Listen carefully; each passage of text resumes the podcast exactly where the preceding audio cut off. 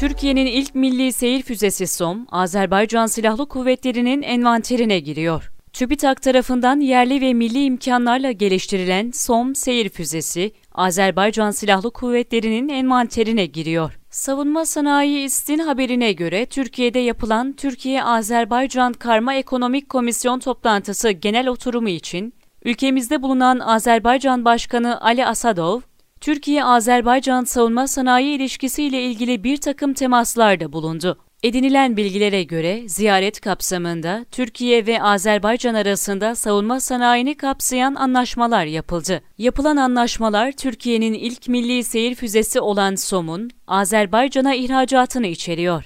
Cumhurbaşkanı Yardımcısı Fuat Oktay'ın yaptığı açıklamaya göre TÜBİTAK SAGE tarafından geliştirilen ve Roketsan tarafından seri üretimi gerçekleştirilen SOM seyir füzesi, Azerbaycan ordusunun elinde bulunan savaş uçaklarına entegre edilecek. 250 kilometre menzile ve yüksek vuruş hassasiyetine sahip SOM sayesinde Azerbaycan Hava Kuvvetleri harekat alanını genişletmiş ve değerli bir mühimmatı envanterine katmış olacak. Son füzesi hava savunma sistemlerinin etkili menziline girmeden hedeflerin büyük bir doğrulukla vurulmasını sağlayan ve doğrudan satı hedeflerine ve hareketli su üstü hedeflere karşı etkin bir şekilde taarruz kabiliyeti bulunan, uzun menzilli, havadan satha atılan turbojet motorlu bir seyir füzesi olarak tanımlanıyor. SOM-A ve SOM-B1 füzeleri 2011 yılından itibaren TSK envanterinde yer alıyor. Ardışık delici harp başlıklı SOM B2 ve su üstü hareketli hedef vurma yeteneğine sahip